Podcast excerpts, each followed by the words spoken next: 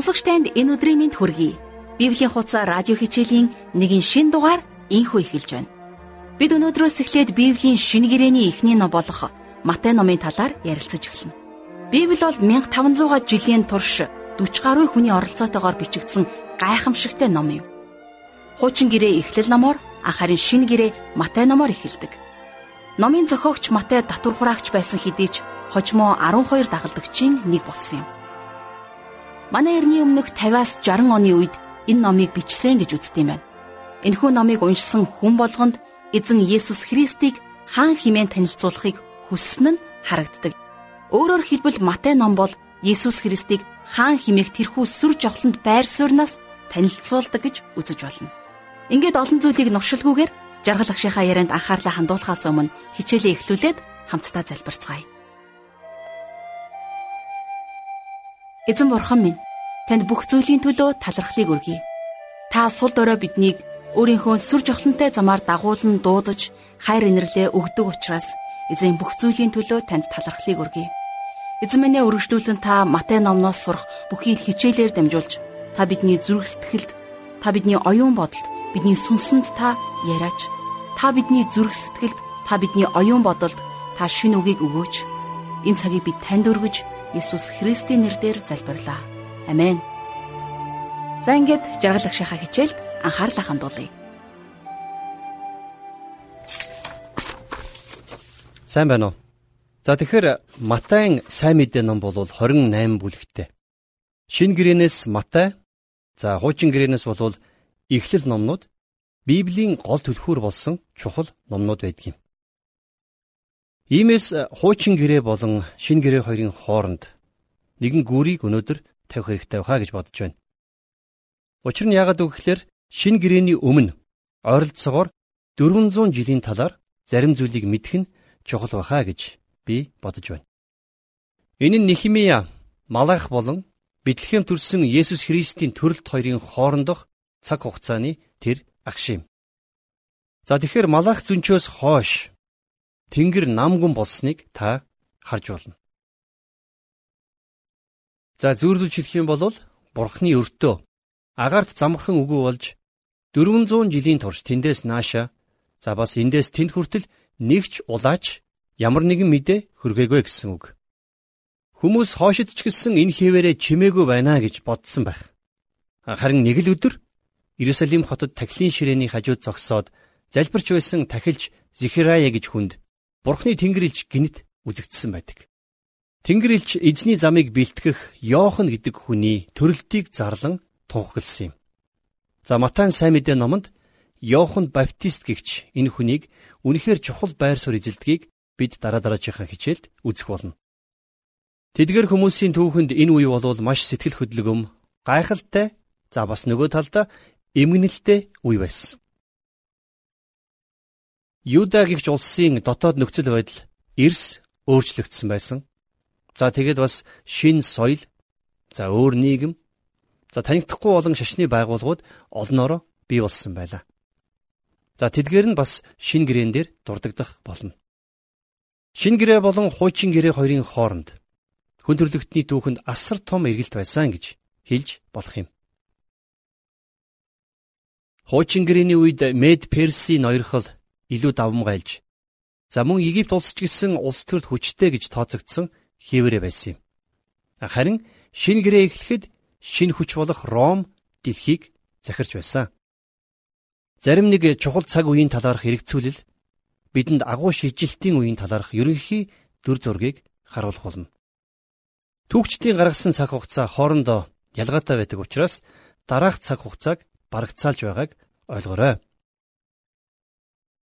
За тэгэхээр манай эртний өмнөх 480 онд Персийн хаан Зеркис Термопилийн хавцалд Грекийг ялсан хэдий ч гэсэн Саламисийн хоолын тулаанд ялагдсан байдаг. За энэ бол дорныхон дэлхийг эзлэх гэсэн сүүлчийн оролдлого байлаа. За манай эртний өмнөх 333 онд за энэ тухай хуучин гэрээ номын Даниэл номны 8 дугаар бүлэгт гардаг юм. Өрнөөс нэгэн ямаа гарч ирсэн гэж бичсэн байдаг. За энэ хүү зөгнөл дээр гарч байгаа энэ том ивэр бүхий ямаа нь бол агуу Александр гэж тайлэгддэг. Манай эртний өмнөх 332 онд Александр Македонский Иерусалим хотод айлчлан ирснээр Даниэлийн зөвгөнлийг өөрийнх нь тухай байсныг харуулдаг юм. Гэхдээ Александр Иерусалимыг шийтгэлгүй өнгөрсөн. Иерусалим бол түүний хувьд дайдалгүй өнгөрөн одсон цөөн хотуудын нэг байлаа. За цаашлах юм бол манай эртний өмнөх 323 онд Александр Македонский нас барахаас өмнө тэр хаан тулсынхаа нийслэлийг тийшээ нүүлгэхийг хүсэж байлаа. Тинхүү өрн дорныг нэгтгсэн их гүрэн түүний дөрвөн жанжинд хуваагдсан байдаг. Манай эртний өмнөх 323 онд Египтийн зархич болсон Жанжин Птолеми Сотер Юда улсыг булан эзэлсэн байна. Селекус Жанжин хаан тулс байгуулан түүнийг Селисудай гэж нэрлсэн нь хожимын Сир улс байсан юм. Манай эртний өмнөх 312 онд Юдаг эзлэхийг оролцсноосоо болж Юда улс нь Сир Египтийн хоорондын тулдааны талбар болсон байна. Ийхүү жижигхэн Юда улс хоёр их улсын дундах жиргэвч улс болж хувирсан байдаг. За манай эртний өмнөх 203 онд агуу Антиокус Иерусалим хотыг эзэлж ингэснээр Юда нь Сирийн нөлөөлөлд орлоо. За тэгээд цаашлах юм бол манай эртний өмнөх 170 онд Антиокус Епифанес Иерусалимыг эзэлж сүмийг нь нураасан юм. За тэгэхээр Даниилийн номонд дурдгдсан жижиг ивэр болвол энэ Антиокус Епифанес байсан. Түүнийг еврейн түүхэндх Ниро гэж нэрлэдэг байсан юм. Манай эртний өмнөх 166 онд за Юудын улсын тахилч Маттаяс гэж хүн Сирийн эсрэг бослохыг өдөөсөн байдаг. За энэ үе бол Макабийн цаг үеийн эхлэл байсан юм. Энэ цаг үе бол Израилийн хамгийн их зовлон амссан ч за мөн нөгөө талаараа хамгийн баатарлаг тийм цаг үе байсан. Юдас Макабиус бослохыг удирдсан. За тэгээд энэ нэрийнх нь утга нь алах гэсэн утгатай үг байж. Манай эртний өмнөх 63 оны үед Ромын жанжин Помпей Иерусалимыг эзэлж да тухайн цаг үедээ дэлхийн хамгийн хүчрхэг Ромын захиргаанд Иерусалим хот инхүү шилжсэн байдаг. За тэд Есүс Христийг төрөх үед ч гэсэн Ромын захиргаанд шин гэрэний үеийн турш байсан байна. Манай эртний өмнөх 40 он. За энэ онд бол Ромын сенат Херодыг Юдагийн хаанаар томилсон байна. За Херод шиг хормоо санаатай тийм хаан болвол э, Израилийн түүхэнд байгаагүй. За магадгүй аимшигтай маав шиг санагдаж болох ч гэсэн үнэн дээр тэд нар мафаас ч илүү аимшигтай хэрцгий байсан юм. За манай эртний өмнөх 37 он. За энэ онд бол Херод хаан Иерусалимыг эзлэн Макабийн сүүлчийн хаан тахилж болох Антогиниусыг цавчин алсан байна. Херод хаан манай эртний өмнөх 19 онд ард түмний сэтгэлийг татахаар сүмийн барилгын ажлыг эхлүүлсэн. За сүмийн барилгын ажил удаашарч бидний эзний мэдлэх үед болон шин гэрээний үед ч гэсэн үргэлжилсэн байна. Харин манай эртний дөрөв дэх хонд бидний эзэн Есүс Христ Бэтлехемд төрсэн байдаг. Хоёр гэрээний хоорондох үед тэдний амссан бүхэн Юдагийн ард түмний дотоод амьдралд эрс тис өөрчлөлтийг авч ирсэн юм. Вавилоны цөллөгнөөс хойш тэд нар худал шүтэнээсээ эргэж хууль ёсны ариун байдлын төлөө улайр нь тэмцэж эхэлсэн. Хууль бол тэдний хувьд шүтэн болсон байсан. Хэдийгээр тэд нар синагогт еврей хэлээр ярьж байсан ч гэсэн өдөр тутмын хэлэндээ арамай хэл хэрэглэх болсон. Цөллөгнөөс хойш энт тэндгүй синагогуд бий болсон байсан. За синагог нь Юда за мөн түүнчлэн дэлхийн хаанч явсан тэдний амьдралын гол төв болсон байсан. Мөн хуучин гэрээнд огт сонсогдож байгаагүй хэсэг бүлгүүд бий болсон. За тэгээд шинэ гэрээнд энэ талаар дурдж байдаг. За тэдгээр бүлгүүдийн тайлбарыг хүргэсэн нь Дэрвха гэж бодож байна. За жишээлх юм бол хамгийн ихэнд фарисей бүлэг. За фарисей бол голлох шашны бүлэг байсан. Тэд хуучин гэрээнд итгэдэг. За мөн хуулийг чандлан биелүүлэгчд байсан. Тэд нар улс төрийн хувьд үнцэрхэг үзэлтэн болж Давидын үр удмын төлөөх хаанчлалыг дахин сэргийхийг хүсч байсан. Тиймээс тэд нар шашин төрийг хослуулагч бүлэг болсон юм. Тэд нарыг теологийн үзлийн хувьд тулгуур үзэлтэн За улс төрийн хувьд бол хит барууны үзэлтэн гэж дуудаж болно. За дараагийн бүлэг бол садукейн бүлэг. За садукейчүүд бол уламжлалаас салангад байхыг хүсдэг. За тэгээд бас маш баян чинэлэг нийгмийн үзэлтэн хүмүүс байсан. Садукейчүүд теологийн хувьд чөлөөт үзэлтэй. За юр бишийн хүчийг үгүйсгдэг тийм улсууд байсан. Тиймээс тэд нар фарисеучүүдийн эсрэг байсан гэсэн үг. Садукейчүүдийн үзэл санаа бол Грекийн Эпикурины тайлбар философи болох ид, уу, бас гэрэл маргааш бид үхэх болно гэсэн үзэлтэй маш ойролцоо байлаа. А хэрэг дээрээ тэд нар сайхан амьдралыг олохыг хичээж мөрөөддөг тийм хүмүүс байсан юм.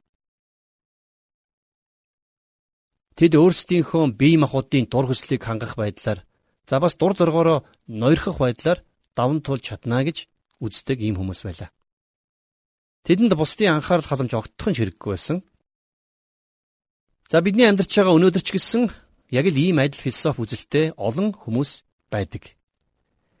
Энэ үзэл өнгөрсөнд ч амжилт олоогүй шиг өнөөдөр ч олохгүй л болов гэж би хувьдаа бодож байна. За 3 дугаар бүлэг бол хуулийн багш нар.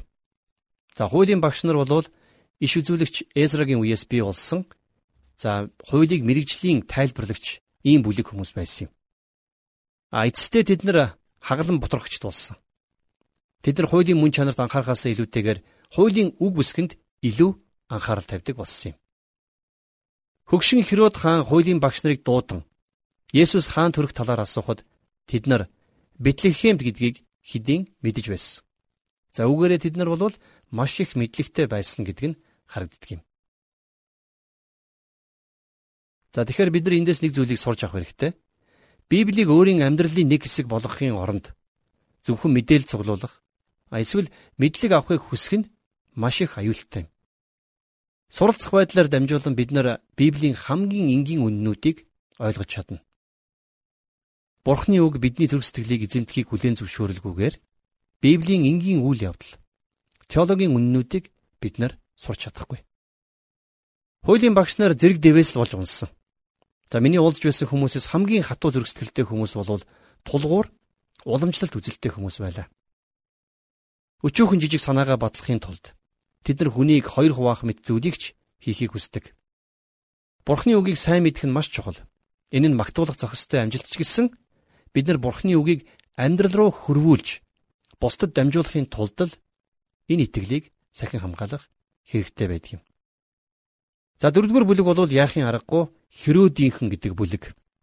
За энэ бүлгийнхэн бол Есүсийн үед амьдарч байсан улс төрийн ашиг хонжоо хайгчд байлаа. Тэд нар өөрсдийн бүлгийг гол хүчин байлгахын тулд Херодийг хаан ширээнд суулгахыг хичээн чармааж байсан. Хоёр гэрээний хоорондох үе бол Бурханаас хэдийгээр ямар ч илчлэлт ирээгүй үе байсан ч гэсэн агуу утга зохиолын үйл явдлаар дүүрэн тийм үе байсан. За тухайлх юм бол манай эртний өмнөх 285-аас 247 онд Египтэд Александр хотод хуучин гэрээг еврей хэлнээс грек хэл рүү анх орчуулсан байдаг. За тэгэхээр Израилийн 12 овг аймаг тус бүрээс 6 хүний бүрэлдэхүүнтэй баг энийг орчуулсан байдаг юм. За энэ орчуулганд Septuagint буюу орчуулах юм бол 70 гэсэн утгатай нэрийг өгсөн байна. За тэгэхээр Илч Паул энэ орчуулгыг хэрэглэж За бидний эзэн Есүс Христ ч гэсэн бас үүнээс иш татан ярьж байсан. За дашмт хэлэх юм бол хуучин гэрээний апокрифач гэсэн энэ үед орчуулагдсан байна. Апокрифа ном бол онгод оруулагдаагүй хэмээн тооцогдсон. За өөрөөр хэлэх юм бол Бурханаас шууд ирээгүй гэж тооцогдсон 14 номын цуглуулгыг хэлж байгаа юм. За хэдийгээр энэ үеийг Бурхан анир чимээгүй байсан үе гэдэг ч гэсэн Бурхан дэлхийг Христийн эрэлтэнд бэлтгэж байсан нь илэрхий байдаг. За еврей, грекийн соёл иргэншил, Ромын эзэнт гүрэн болон дорны олон түмэн бүгдээрээ аврагч ирэхэд бэлтгэгдэж байсан. Илч Паул харин цаг нь болоход гэж Галатийн 4-ийн 4 дээр хэлсэн шиг тэд нар бэлэн болсон нь үнэхээр илэрхий байсан. Тухайн үед сайн мэдээний номыг дөрвөн бүлэгт хувааж байсан юм. За тэгэхээр Матай сайн мэдээ болвол Израиль үндэстэн зориулагдсан бичигдсэн. За хамгийн анх еврей хэлээр юуны төрөнд тухайн үеийн шашинлаг хүмүүс рүү чиглэгдэж бичигдсэн ийм ном байлаа. Харин Маркийн сайн мэдээ ном бол Ромчуудад хандан бичсэн. Ромчууд засаг захиргаа хууль тушаалд итгэж дэлхийг хянаж чадна гэж боддог хүмүүс байсан. За өнөөдөр ч гэсэн яг л энэ зүйл хэрэгтэй гэж боддог хүмүүс олон байдаг шүү дээ. Хууль журам хэдийгээр хэрэгтэй ч гэсэн Ромчууд эцэст нь зөвхөн энүүгээр дэлхийг захирах хангалтгүй гэдгийг ойлгоцгоосон юм. Хууль болон тогтоолд итгэсэн ч гэсэн гмийн уучлал болон ивэл Бурхны өршөөлийн талаар дэлхий сонсох хэрэгтэй байсан. Энэ бол Маркийн илэрхийлж байгаа Ромчуудад харуулахыг хүссэн сайн мэдээ байсан юм. За дараагаар нь Лукийн сайн мэдээ. За тэгэхээр Лукийн сайн мэдээний хувьд бол Лук эмч номоо грекчүүдэд хандан бичсэн. Ягд гэхлээр грекчүүд бол тухайн үедээ маш сайн сэтгэн бодогч нар байсан юм. За тэгээд шинэ гэрээний дөрөв дэх сайн мэдээ ном болох Йоохны сайн мэдээ бол шууд утгаараа итгэгч нарт зориулан бичигдсэн байдаг. За мөн бас тухайн үед авралыг хайж байсан за дорны сая сая хүмүүст хандан бичсэн байна. Өнөөдөр ч гэсэн аврагчийг дуудан байгаа дуу хоолой дэлхийгээс сонсогдсоор байгаа. Шашинлаг хүмүүст Христ хэрэгтэй болохоос дахин өөр ямар нэгэн шин шашин хэрэггүй. Хүч чадалтай хүнд түүнийг аврах хүч чадалтай аврагч хэрэгтэй. Сэтгэгч хүнд түүний бүх оюун санааны болон сүнслэг хэрэгцээг хангаж чадах аврагч хэрэгтэй. За түүнчлэн золгүй хүн зөвхөн өөрийг нь аварч чадах аврагчийн тухай мэдэх хэрэгтэй. Харин түүнийг босгон байгуулахад тэр бурхны алдрын төлөө амьдрах болно. Матай эзэн Есүс маш тодорхойгоор сонгосон болохыг дараах ишлэлээс харж болох юм. Энэ бүхний талаар дэлгэрэнгүй зүйлийг ярих шаардлагагүй ч гэсэн Бурхан үндэстнийг бүхлээр нь дэлхийд ирэх Христийн ирэлтэнд бэлтгэж байсныг харж болох юм. Тэр өөрөө энэ үндэстний дундаас гарч өөрийнх нь тухай хэлэхтэй. Тиймээс ч аврал евдэчүүдээс гарна гэж Иохны сайн мэдээний 4:22 дээр бичсэн байдаг. Бурхан Израилаас аврагчийг гаргахаар бэлтгэсэн хэмээн Германы нэгэн агуу түүхч хэлсэн байна аврал евдэчүүдээс гарна. Бурхан өөрт нь итгэдэггүй хүмүүсийг авралын төлөө бэлтгэсэн учраас тэд нар гээгдсэн байснаас гадна тэдэнд аврал гарцаагүй хэрэгтэй байсан юм. Тийм учраас энэ гайхамшигтай ном болох Матайн сайн мэдээ хуучин гэрээний олон зөвнлүүдийг өөртөө багтаасан байдаг. Еврейчүүдийн төлөө бичигдсэн хамгийн анхны ном болохоор л ийм байх ёстой байхаа гэж та бодож байж болно. Гэтэл энэ ном бусад сайн мэдээний номнуудаас ч илүү шинэ гэрээнд ич татагдсан байдаг. За жишээлх юм бол бусад сайн мэдээний зохиогчд чуулганыг нэрээр нь дурдаагүй байхад Матай сайн мэдээ нэрээр нь дурдсан байна. За жишээлх юм бол Матай 16 дугаар бүлгийн 18 дугаар ишлэлдэр энэ хадан дээр би өөрийн чуулганыг босгох бөгөөд гэж Есүсийн хэлсэн үгийг иш татсан байдаг. За энэ сайн мэдээний номын талаар Францын нэгэн үл итгэгч Ренан гэгч хүн. Энэ бол Христийн ертөнцид хамгийн чухал ном. Урд хожид бичигдэж байгаагүй чухал ном гэж хэлсэн байх юм. Энэ үг бол түүний хэлсэн хамгийн гайхалтай үг байлаа. Бурхны сүнсээр сонгогдож өөрчлөгдсөн татвар хураагч байсан Матай Израиль үндэстэнд хандан энхүү сайн мэдээний номыг бичих болсон байна. Матай сайн мэдээ Бурхны хөтөлбөрийг харуулдаг. Тэнгэрийн хаанчлал бол энэ сайн мэдээний хувьд маш онцгой илэрхийлэл байсан. Матай номонд Тэнгэрийн хаанчлал гэдэг үг 32 удаа дурддагдж харин хаанчлал гэдэг үг 50 удаа дурддагдсан байна. Библийг болон сайн мэдээний номнуудыг тайлбарлахад Тэнгэрийн хаанчлал гэдэг үгийн талаарх зөв ойлголт маш чухал байдаг. За миний хувьд би тиймч мундаг номлогч биш гэсэн энгийн тайлбарыг өгөхийг хүсэж байна. Тэнгэрийн хаанчлал бол газар дэлхий дээрх Тэнгэрийн засаглал билээ. Газар дэлхий дээр Тэнгэрийн стандарттай хаанчлалыг байгуулахын тулд Тэнгэрээс ирэх хааны талаарх хуучин гэрээний бүх зөвнлүүдийн нийлбэр болох нөхцөл байдлыг шууд ойлгуулахаар сайн мэдээ евдээчүүдэд өгөгдсөн. Энэ бүхэн тэдэнд шин зүйл байгаагүй. Тэнгэрийн хаанчлал бол сайн мэдээний номны гол сэдэв.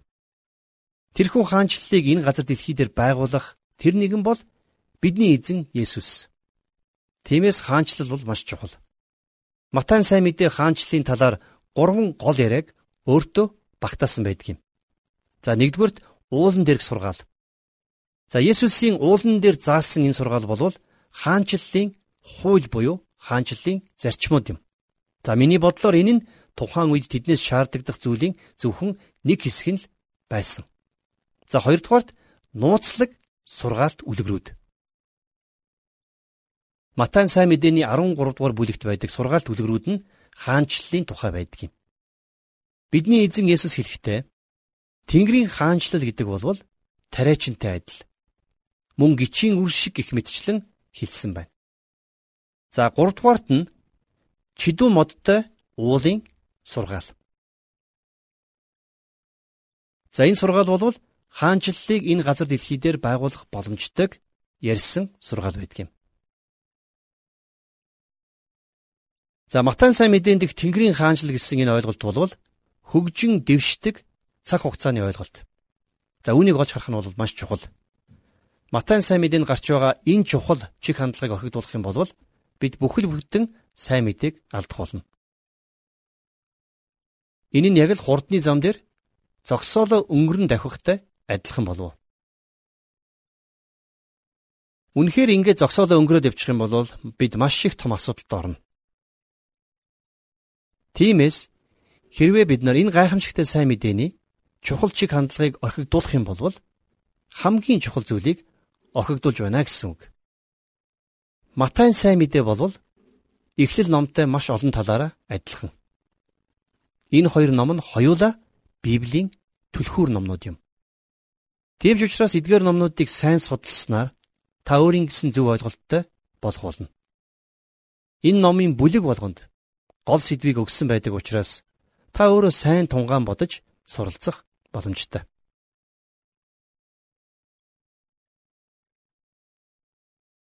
За миний хувьд оюутнуудтай хандаж хэлдэг нэг үг байдаг. За тэр нь юу вэ гэхээр хэрвээ шүн нойрч нь хүрэхгүй бол хонь тоолж хөвтгийнхэн оронд эхлэл номыг өөрийнхөө аргаар тунгаан бод. За бас Матай сайн мэдээний тухайч гэсэн өөрийн арга барилаар бяслаг. Бүлэг бүлгээр нь судал Нэгдүгээр бүлэг. Энэ нь яг юуны тухай өгүүлж байна? За хоёрдугаар бүлэгт яг юу гарч байна гих мэтчлэн бод, тунга, бяслаг. За тэгэхээр би хонь тоолохын оронд харин хончонтой ярилцах гэж захимаар байна. Хончонтой ярилцах хамгийн сайн арга бол энэ хоёр номыг хуудас бүрээр нь судлах явдал юм. Энэ нь танд түүнтэй танилцах, түүний талаар олон зүйлийг мэдэхэд туслах болно. За дашрамд нь хэлэхэд бид нар Есүст олон зүйлийг ярьснаас тэр бидэнд олон зүйлийг ярих нь илүү чухал байдаг юм. Есүстэй ярилцсан хуваалцах зүйл хичнээн байгааг би мэдэхгүй ч тэрээр надад хэлхийг хүсэж байгаа зүйл бүр их байгаа гэдэгт би эргэлздэггүй.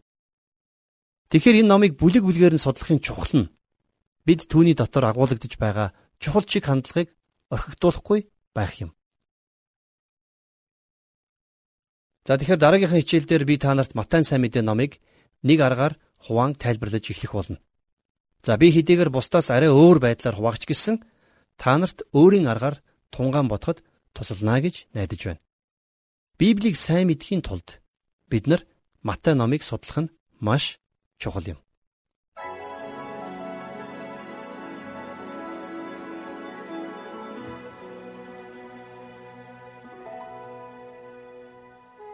Тэгэхээр бид өнөөдөр бараг л их сургуулийн лекц гэмээр маш их мэдээлэлтэй хичээлийг сонслоо шүү дээ. Хичээнгүлэн нэгт тайлбарлаж өгсөн багштай баярлалаа. Яах ч аргагүйгээр тухайн ном бичигдэх үеийн түүхэн нөхцөл байдлыг судлахгүйгээр тэр номыг ойлгох боломжгүй байдаг. Тэнгэрийн хаанчлал болон сэргэн мандаж бууран мөксөн улс орнууд нүдний өмнө зурагдах шиг л боллоо. Хичээлийг сонсож байх явцад бурхан үнэхээр хүн төрлөختний түүхэн явцад нөлөөлж байсан гэдгийг анзаарсан биз? Библи бол дурдтгал биш. Харин амьдралыг бүрэн ихлүүлж бүтээдэг ном гэсэн үгийг хаа нэгтээ уншиж байсан маань санагдчихлаа. Харин өнөөдрийн хичээлээ энэ хүрээд өндөрлөөд бурханд хандаж залбирцгаая. Эзэн минь Өнөөдөр бидний бурхан та бидний амьдралд ч гэсэн өөрчлөлтийг зөвшөөрч өгөөрэй. Үнэхээр хожим үр хөвгтүүд маань дурсан санах үед та байсан учраас өсөн дивжиж, өрөөгдсөн тэрл амьдралаар амьдрсан байхад та туслаарай. Энэ цаг мөчөөс эхлэн та шин амьдралын амар тайван сойрхож хичээлийг ойлгох мэрэгэн ухаанаа та үргэлжлүүлэн дүүргэж өгөөрэй. Би тань дараа дараагийн хичээлүүдэд өргөж Иесус Христийн нэрээр залбирлаа. Амен.